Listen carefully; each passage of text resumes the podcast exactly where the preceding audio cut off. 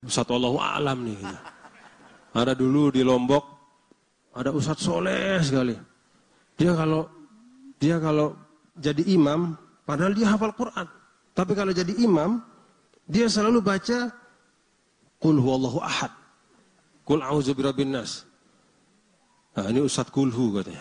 Pindah. Padahal bukan dia nggak ngerti, dia hafal Quran, tapi dia ngamalin hadis Rasul. Idza amma ahadukum fal yatajawaz fa inna wara'ahu as-saghir wad-dha'if wa zal hajah. Kalau Anda jadi imam bagi masyarakat secara umum pendek-pendek. Jangan mentang-mentang hafiz Quran datang ke masjid orang baca Al-Baqarah. Itu pernah kejadian zaman Rasul. Jadi pernah zaman Rasulullah Shallallahu Alaihi Wasallam pernah kejadian ada seorang datang sholat subuh Kemudian begitu sholat subuh, dia lihat imamnya panjang bener. Akhirnya besoknya dia sholat subuh, tapi tidak di awal. Dia tungguin nih imam. Dari rumah dia dia ngeker. Nih azan, kamat, fatihah nih, bakoroh masih sejus nih. Nah kira-kira kalau udah dekat mau ruku, baru dia datang. Nah, itu datang, terus diomongin sama teman yang lain. Begitu diomongin, dia nyamperin Rasul. Dia sampaikan kepada Rasul, Ya Rasulullah, saya ini bukan malas, saya ini rajin. Cuma imamnya kelewatan. Masa Baqarah dia baca sholat subuh? Sedangkan kan kami ini banyak kebutuhan. Nabi kemudian marah luar biasa. Nabi marah, kemudian Nabi khutbah di masjid. Apa kata Nabi? Inna minkum munafirin. Cara kalian menyajikan Islam itu membuat orang bukannya cinta pada Islam. Ini peringatan Rasul. Ada satu lagi kisah yang kedua, ada pedagang datang ke Madinah. Namanya pedagang itu kan harus cepat berdagang ya pagi-pagi bapak-bapak. Dia bawa apa namanya nih pikulannya deh kira-kira gitu ya pikulannya. Begitu sampai masjid yang jadi imam Sayyidina Muaz. Sayyidina Muaz bin Jabal dia hafiz. Maka dia bacalah Ali Imron. Nah, beda tipis sama Al-Baqarah. Ya, baca Ali Imran.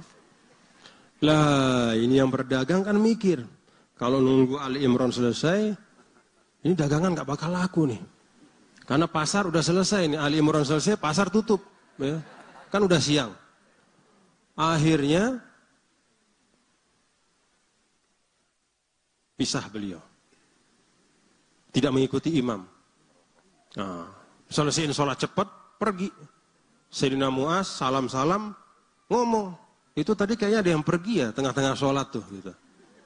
Oh iya ada. Takut dagangannya nggak apa nggak habis eh, nggak laku. Takut pasar keburu tutup. Oh Sayyidina Muaz langsung marah. Oh tuh jangan-jangan dia hatinya ada kemunafikan tuh nggak sabar. Maksudnya kalau sholat ikut dong. Gimana sih? Ah. Begitu diomongin gitu, pedagang ini dengar. Wah ente diomongin sama Sayyidina Muaz. Masjid lagi rame. Nama anda lagi populer. Gitu. Ya, lagi tren namamu. Cuman disam, dikaitkan sama sesuatu yang nggak baik. Akhirnya orang itu pergi ke Rasulullah SAW mengadu. Apa kata dia? Ya Rasulullah, saya ini orang baik, insya Allah. Saya ini pedagang, ada anak istri saya. Saya ini pedagang pagi-pagi, kalau nggak pagi nggak laku. Tadi saya sholat, karena muas panjangan, saya selesaiin duluan, berdagang.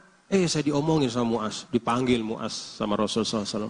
Afattanun anta, afattanun anta, anda ini udah berubah profesi muas menjadi tukang fitnah. Coba.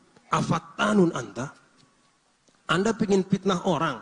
Jadi fitnah itu tidak hanya dengan menyebut orang yang tidak baik, tetapi melakukan sesuatu yang membuat seseorang teruji dalam agama itu fitnah.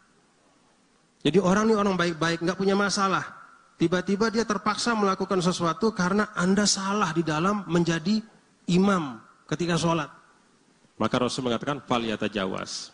Kalau sholat jangan panjang-panjang. Kecuali masjid yang emang orang sudah tahu di situ imamnya panjang gitu. Udah tahu nih, oh di sana satu juz, yuk sana. Tapi kalau masjid yang biasa, yang umum, pendek-pendek. Gak usah panjang. Nah itu bagian dari akhlak yang diajarkan oleh Nabi besar Muhammad Sallallahu Alaihi Wasallam.